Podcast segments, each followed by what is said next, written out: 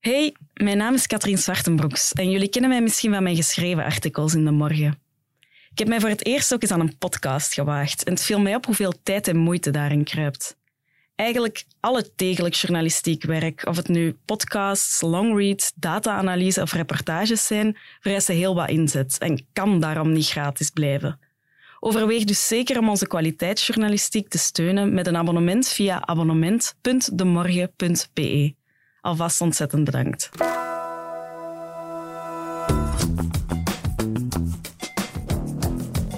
Dit is Oké dan niet, een podcast van de morgen over het leven en hoe we het leiden, waarin ik, Katrien Zwartenbroeks, in gesprek ga met experts en lotgenoten over de moderne mijlpalen van de veranderende maatschappij. Over werk, over relaties, over moederschap en over de verwachtingen die we daaraan koppelen en de keuzes die we uiteindelijk maken. Of misschien net niet maken. In deze aflevering ga ik op zoek naar de rol die werk in ons leven speelt en hoe die de afgelopen decennia veranderd is. Want werk is overal. Niet omdat de meesten onder ons werken om, zoals dat heet, te kosten verdienen, maar omdat het de laatste jaren de nieuwscyclus lijkt te beheersen. Alle vakbondsafgevaardigden worden belemmerd om de camionnen tegen te houden. Een hele reeks politie staat klaar om de delegees tegen te houden.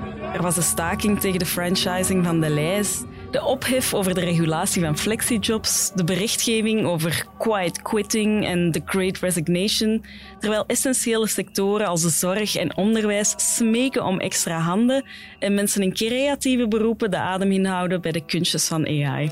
I'm a lawyer, Copywriter. doctor, music producer. Personal trainer. software engineer. DJ. I want to know. Can AI do my job? Alvast een disclaimer: ook de geluidsbestanden van deze interviews werden uitgetikt met behulp van AI.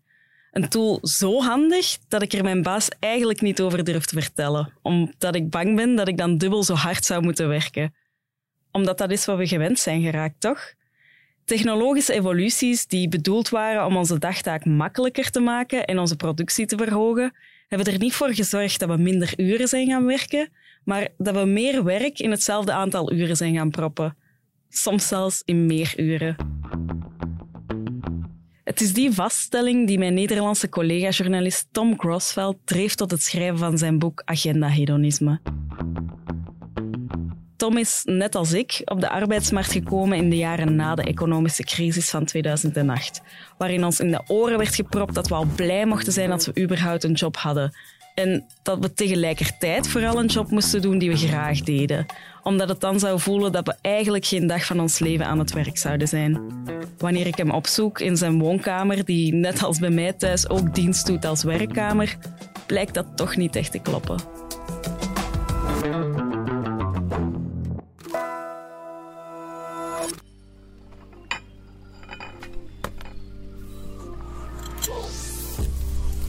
Ik herinner mij zelf nog van mijn eerste jaren in de journalistiek dat dat heel veel en heel hard werken was. Ik heb ook afschuwelijk hard onder de marktprijs gewerkt, bij zoveel mogelijk publicaties. Ehm, een beetje de markt bevuild, denk ik wel, op die manier. Veel gratis gewerkt. Ik weet niet, is dat iets dat je herkent? Ja, zeker. Ik denk dat veel journalisten zo eh, moeten beginnen. Ik, had al die stage gehad, dat, dat vond ik natuurlijk prima. En toen bleef ik hangen en ehm, ik weet nog wel, ik ging op de nieuwsdienst werken en ik kreeg een, ehm, ik, ik hoorde dat ik 15 euro per uur ging verdienen. Maar ik was super onwetend. Ik, ik was net klaar met studeren. Ik dacht, oh, dat klinkt best veel eigenlijk. 15 euro per uur. Dus dat was eh 114 euro per dag bruto, weet ik nog. En eh, ik kwam er eigenlijk pas best wel na een paar maanden achter dat het heel weinig was. Volgens mij ook omgerekend naar een vast dienstverband onder het minimumloon. Of ja, ik werd er lange dagen, zes dagen in de week vaak, weekenden, avonden, dat was best wel normaal. Dus super hard werken en, weinig geld. Ja, dat was een beetje de situatie. eh. ik dacht nog lang dat ik wel een beetje mee kon, omdat ik... eh, ja, je hebt dan een, natuurlijk een bruto inkomen en ik, ik was niet verzekerd en zo. En ehm, ja, het sloeg eigenlijk nergens op. Maar je ziet het dan toch als investeringen of zo. Hè? Van het is even nodig om dit te doen en dan wordt het straks beter. Ja, die, die investeringsmentaliteit had ik ook. Ik, ik dacht dat het gewoon zo was. Dat, dat, dat is ook een beetje wat aan mij verteld is geweest. Van als je een job gaat doen dat je graag doet, dat je echt wilt doen, een van de droomjobs, zoals dat dan heet, dat is gewoon hoe dat je het moet doen. En ik heb wel het idee dat dat er vandaag wat uit aan het gaan is bij jongere mensen. Ja, precies. Ja, wij zijn denk ik wel die instelling een beetje gewend. Van uh, je moet even investeren, even voor heel weinig werken en, en, en dan, uh, ja, je moet het er gewoon voor over hebben. Ja, en ik hoor nu ook, ik weet niet precies, dat is denk ik misschien de generatie nog onder ons, die hebben eigenlijk zoiets van, uh, nou ja, misschien ook als je ziet bij quiet quitting, uh, dat, dat soort trends, dat die eigenlijk meteen zoiets hebben van, nee, dat gaan we helemaal niet doen. Ik, ik ga helemaal niet gratis overwerken of ik ga niet helemaal mezelf verliezen in mijn werk omdat het mijn passie is. Um, ik, ik, doe daar gewoon niet aan mee.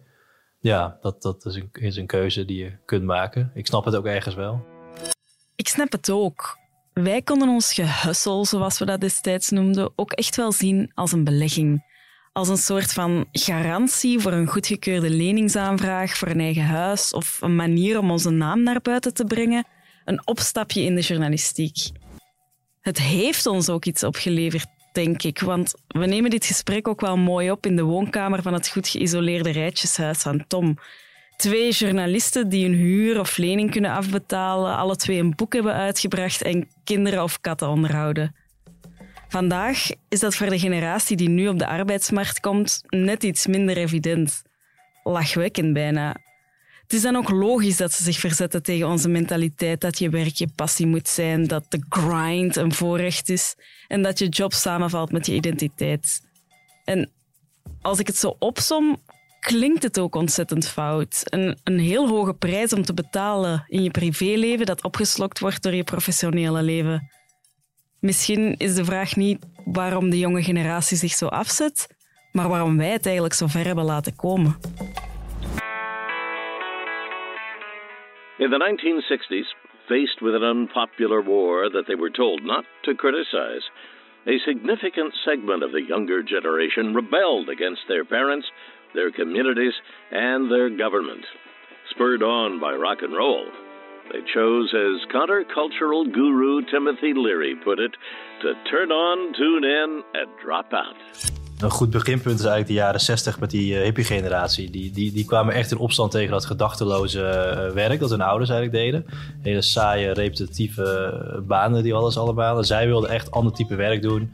Gewoon werk waarbij je creatief bezig kon zijn, bepaalde autonomie had. En heel erg ook waar je jezelf in kon ontwikkelen. Er was natuurlijk even weerstand tegen, maar uiteindelijk heeft het bedrijfsleven is daarin helemaal meegegaan. En, en hebben heel de bedrijfscultuur omgegooid. Hebben echt gezegd, tuurlijk jongens, kom maar bij ons werken, alles kan. Je kan jezelf ontwikkelen in je werk. En dat is toen heel erg uh, de heersende norm eigenlijk geworden. En dat uit zich ook, uh, Steve Jobs, we hameren daar ook telkens op. Hè, van vind echt iets wat je passie is, wat je super leuk vindt. Hij zei ook, dan hoef je geen dag in de week, dan is je werk eigenlijk niet je werk, maar ben je gewoon lekker bezig met je hobby. Ja, hoeveel dagen werk jij per week? Ja, en ik zeg nu inderdaad, ik ben ook dus, uh, eigenlijk ben ik ook een Steve Jobs in de zin, ik zie dat ook wel zo. En, maar ik ben me ook bewust van dat dat een soort gevaar is. Dus ik vind ook, ik vind mijn werk superleuk. Alleen zie je ook dat daar een soort gevaar in schuilt. Dat je uh, nooit stopt met werken, dat je altijd maar bezig bent. Dat je het eigenlijk, eigenlijk word je niet meer echt uitgebuit door je baas, zoals vroeger. Maar buit je echt jezelf uit. En daardoor zit er ook niet meer echt een grens aan. Want dan zeg je nooit van nu is het genoeg of ik pik het niet meer. Want jij bent je eigen baas. Dus je, je gaat maar door en door uh, ja, tot je een burn-out krijgt. Of tot je echt zoiets hebt van uh, dit is niet gezond meer. Um, dus het is echt zelfuitbuiting wat dan een beetje op de loer ligt. En dat is wel, uh, dat is wel moeten we denk ik wel kritisch op zijn.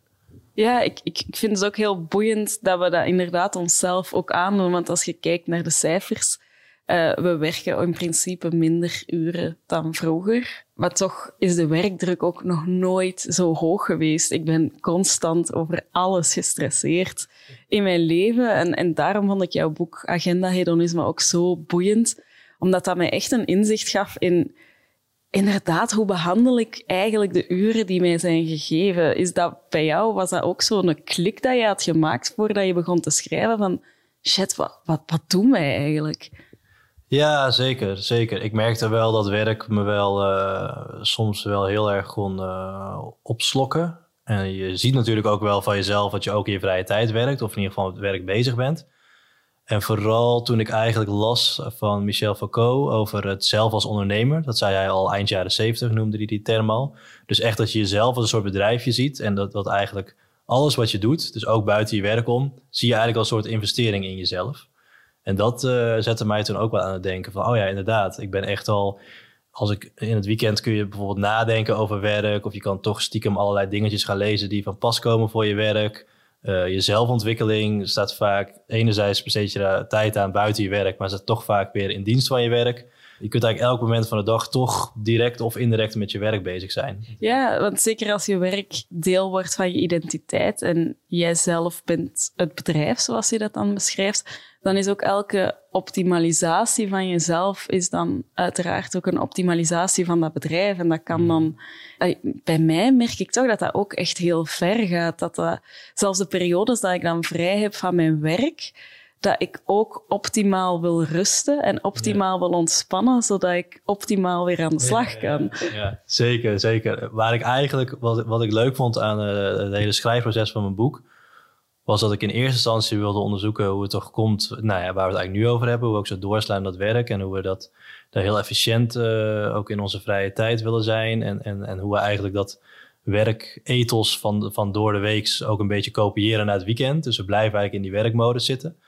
Uh, maar ik kwam er gaandeweg achter dat wat nog interessanter is, vind ik, is dat we eigenlijk heel slecht zijn in ondoelmatig bezig zijn, inderdaad. Dus dat we eigenlijk alles wat we doen heel doelmatig benaderen en dat we overal weer iets willen uithalen. Dat we het heel moeilijk vinden om echt uh, gewoon belangeloos ergens mee bezig te zijn.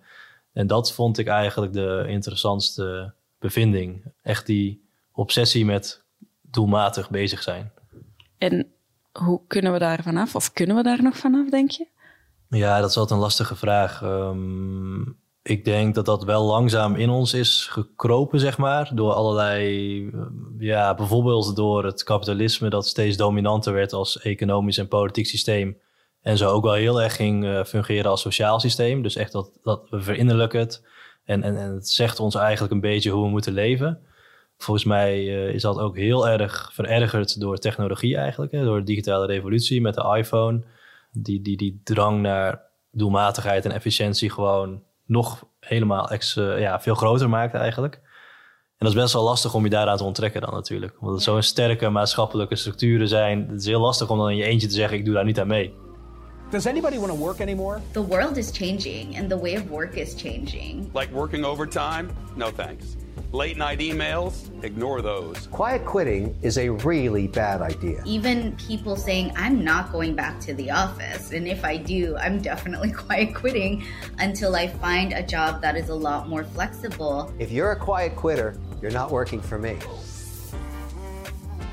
We hebben het al heel even gehad over jongeren en quiet quitting, maar ik heb wel het idee dat werk en de rol dat werk in ons leven speelt, dat dat wel echt een van de topics is dat momenteel in de komende jaren wel zal leven. Je hebt, heb jij ook het gevoel dat we op een keerpunt zijn?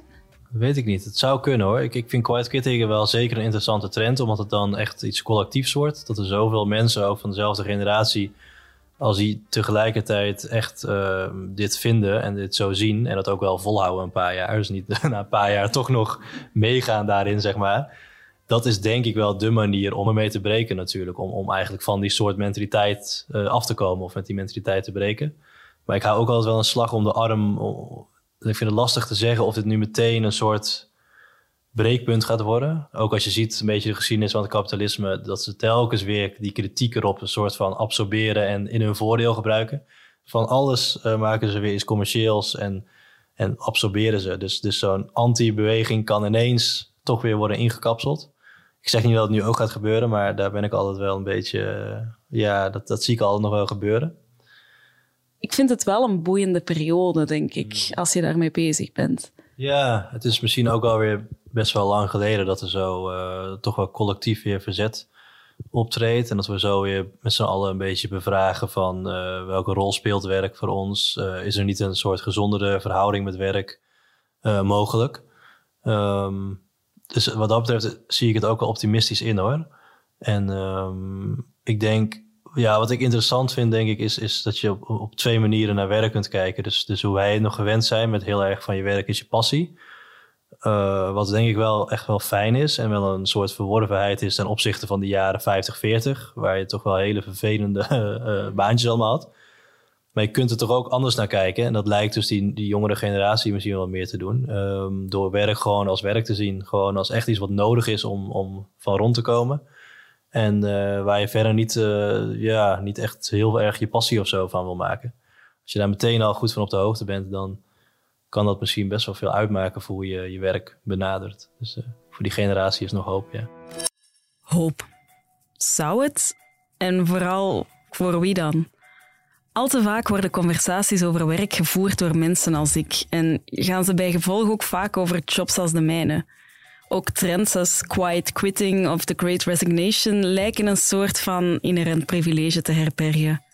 Dat je niet gehinderd bent door je achternaam of je opleidingsniveau, je mentale of fysieke gezondheid of het feit dat je misschien wel zwanger zou willen worden en je dus niet het idee hebt dat je je sowieso al extra moet bewijzen dan de rest.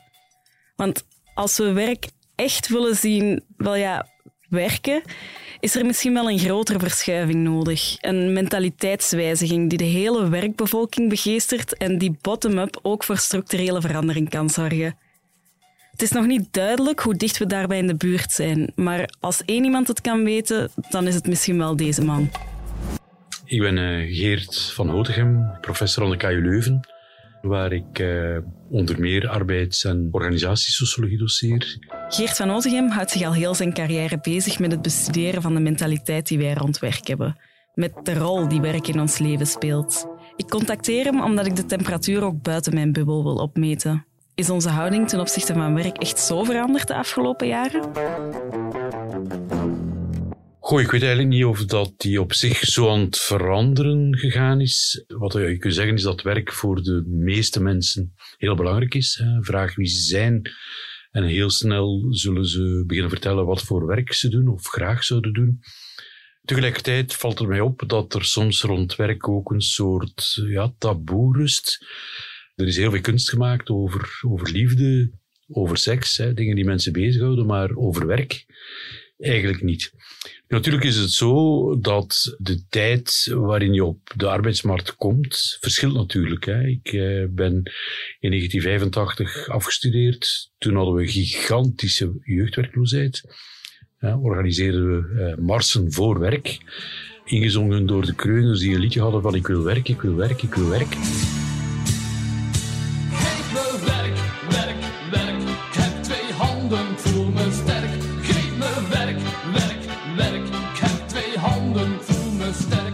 Huidige generatie die afstudeert met die absolute krapte, ja, die komen natuurlijk in een totaal andere toestand op die arbeidsmarkt. Op het moment dat ik op die arbeidsmarkt kwam, waren hè, vrouwen al volop aan het participeren. En dat is ongeveer in de jaren 60 aan het gebeuren. Maar natuurlijk, hè, als je de arbeidsmarkt van de jaren 60 bekijkt, met ja, toch een België en een West-Europa dat als structurele componenten gezinnen heeft met vaak een thuiswerkende vrouw, een buitenshuis werkende man hè, met uh, twee of drie kinderen. Ja, die gezinsconfiguratie is veranderd. Hè. Dat normale gezin, normaal tussen aanhalingstekens, is vandaag bijna de uitzondering geworden. Hè, vandaag is de, de single en het eenoudergezin, dat is de meerderheid van de gezinnen. Dus wat dat betreft is ook de combinatie arbeid-gezin een totaal andere combinatie geworden dan vier of vijf decennia geleden. Voor alle duidelijkheid, op zich ben ik blij dat ik vandaag niet gewoon het huishouden moet regelen. Dat ik mag werken, halleluja, en stemrecht ook nog eens. Het klinkt dan ook ondankbaar dat ik zeur over hoeveel ik moet werken, hoe zwaar het allemaal is. En dat ik naast dat werken nog steeds dat verdomde huishouden moet regelen. Wat wringt, denk ik, is dat we vandaag niet alleen mogen werken, maar dat we moeten werken. Omdat je er anders niet komt, zelfs niet als je met twee in het schuitje zit. Volgens Van Otegem konden onze grootouders nog een goed leven en soms zelf opwaartse sociale mobiliteit garanderen op één inkomen. Vandaag zeggen de cijfers dat je gemiddeld anderhalf inkomen nodig hebt om niet te flirten met de armoedegrens. Anderhalf. Ook voor singles. En dus lijken we flauw omdat we dingen als work-life balance belangrijk vinden en krijgen we te horen dat die dingen vroeger niet eens bestonden. Maar dat was omdat het niet nodig was Omdat onze grootouders veelal buitenshuis werkten in plaats van aan de keukentafel en letterlijk hun werk achter zich konden laten. Terwijl wij mails kunnen beantwoorden in bed, meetings bijwonen met een kleuter op de schoot en overal aangespoord worden om onszelf, ons brein, ons lichaam te optimaliseren. Als een blinkend, ronkend machientje dat af en toe toe is aan een update. Het is een systeem dat niet kan blijven werken, denk ik. Voel ik. Of dat op zijn minst begrensd moet. Maar omdat we allemaal zo'n individuele, haast identitaire en persoonlijke relatie met werk hebben, is het ook moeilijk om collectief de haperende radartjes aan te wijzen en die grenzen te stellen. Om op je eentje te zeggen, dit is wat er mis is. Of ik denk dat dit eigenlijk allemaal niet zo productief is. Dat is in principe ook wat Van Notegem aanstipt. Dat collectieve drukkingsmiddelen, als vakbonden bijvoorbeeld, de afspraak met de diensteneconomie een beetje gemist hebben. En dat we vandaag dus eigenlijk als werkende samenleving niet veel poten hebben om met z'n allen op te staan. Voorbije decennia is er geen vorm van collectieve arbeidsduurvermindering geweest. Via het deeltijdwerk van vooral vrouwen, hè, want er zijn in België nauwelijks mannen die deeltijd werken. Maar natuurlijk, hè, die deeltijdarbeid gaat dan natuurlijk gepaard met wel nog veel meer substantiële zorgtaken opnemen. Dus er is dus vooral individuele arbeidsduurverkorting geweest. Maar ik weet eigenlijk ook niet, als je de observatie hebt dat we waar dat we minder gaan werken zijn, dat die uren die we moeten werken, het tempo gigantisch is. Dat we eigenlijk ook veel uren werken die we eigenlijk niet betaald worden. Dus ik vraag me eigenlijk af of dat de strijd niet veel eer daar moet gevoerd worden om toch terug het aantal gewerkte uren in het gareel te krijgen en daar duidelijkheid over te creëren. En wat ik ook wel denk, dat vond ik dan toch ook wel een probleem in die periode dat we die collectieve standaarden hanteerden. De rol die arbeid in uw leven speelt, is denk ik heel erg afhankelijk van de fase in uw leven, in de levensloopfase waarin je zit. Je verdient niet alleen het minste geld op het moment dat je het meeste nodig hebt. Je verdient er ook het meeste op het moment dat je het minst nodig hebt. En ja, met de druk op het werk is het eigenlijk een beetje van hetzelfde. Hè? Dus ik, ik, ik denk of dat het, wat gaan nadenken om, om, om tijd en druk en geld en loopbanen wat meer gekoppeld te krijgen met voorkeuren van mensen, dat dat wel een, een, een punt is waar we werk moeten van maken. Ja, effectief. En ik, ik denk ook dat dat is een beetje wat we ervaren. Het, het, is eigenlijk zo frappant dat we al die tools hebben om time management te doen en dit en dat. En dat we eigenlijk al decennia lang op stoep blijven gaan naar hoe kunnen we die balans bewaren en hoe kunnen we zot zijn van werk zonder dat we zot worden van werk. Ja, ja. ja en uh, het lijkt wel een beetje alsof dat we die strijd verloren hebben uh, en dat, ja, hoe moet je dat zeggen, uh, een beweging of tools of een ideologie om dan de richting te gaan, dat die eigenlijk nog niet aan de horizon verschenen is. En dat ziet er een beetje op, op, op zijn eigen manier. Kinderen geboren, dat is een beetje logisch. Hè? De mannen waren aan het front, de toestand was onveilig, er was honger, er was, er was geweld. En na de Tweede Wereldoorlog hebben eigenlijk twee generaties vrouwen die normaal gezien na elkaar hè, en kinderen zouden gebaard hebben, dat tegelijkertijd gedaan. Hè. We noemen dat in de demografie de sequentiële nataliteit, hè, om het wat technisch uit te drukken. Dus er zijn in de periode 45, 55 heel veel uh, kinderen geboren dat is hè, de boomer vaak hè, roepen mij boomer, maar eigenlijk is dat niet juist, hè, want eigenlijk ja. was de generatie voor mij. Maar wat dan natuurlijk wel is, ook al is de nataliteit vanaf dan beginnen dalen, hè, er waren toen veel vrouwen en die hebben in de 60 jaren opnieuw veel kinderen op de wereld gebracht. Die twee babybooms hè, die hebben ervoor gezorgd dat we tot, de, de grens is wat moeilijk te trekken, maar tot tussen 2010 en 2020 met heel veel mensen op de arbeidsmarkt waren eigenlijk zou je kunnen zeggen, met te veel, of in ieder geval meer dan onze economie nodig had. En dat betekent ook dat er een gigantische concurrentie was onder die arbeidskrachten om, werk te hebben. En dat was natuurlijk in de periode dat ik op de arbeidsmarkt kwam, met die hoge werkloosheid, ja, heel fel, maar zelfs daarna. Nu zien we dat die krapte zich toch wel laat voelen, overal laat voelen. Die zal wat dat mij betreft, denk ik, nog 20, 25 jaar aanhouden. Dus je krijgt eigenlijk een soort ja, position switch tussen die werkgever die 60 jaar lang de baas geweest is en iedereen waar ook maar een hoekje af was, eigenlijk uit het systeem kieperde.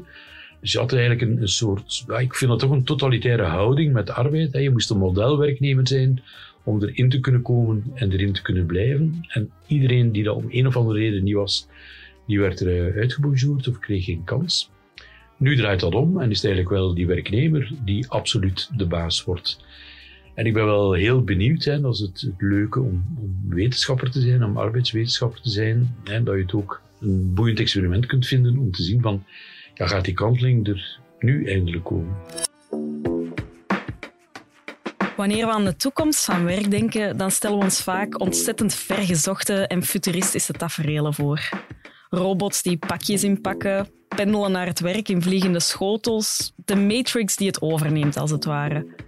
Maar met de huidige discussies en spanningen die de nieuwscyclus beheersen, met mensen die aangeven dat hun baan geen doel, maar een middel zou moeten zijn, met de eis om loon naar werk en de toenemende vraag naar specialisatie, denk ik eigenlijk dat die toekomst niet meer zo ver af is. Dat ze vandaag al geschreven en bedisseld wordt. En dat die toekomst misschien wel eens veel meer op het verleden zou kunnen lijken dan we aanvankelijk dachten.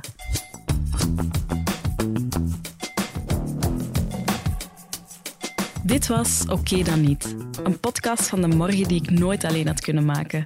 Bedankt dus Carolina Petit voor de productie, Dries Vermeulen voor de montage en Sam Vijs voor eindredactie. En mijn interviewees uiteraard voor hun tijd. Als u wil reageren, dan kan dat, liefst niet in all caps, via podcast.demorgen.be. Bedankt voor het luisteren.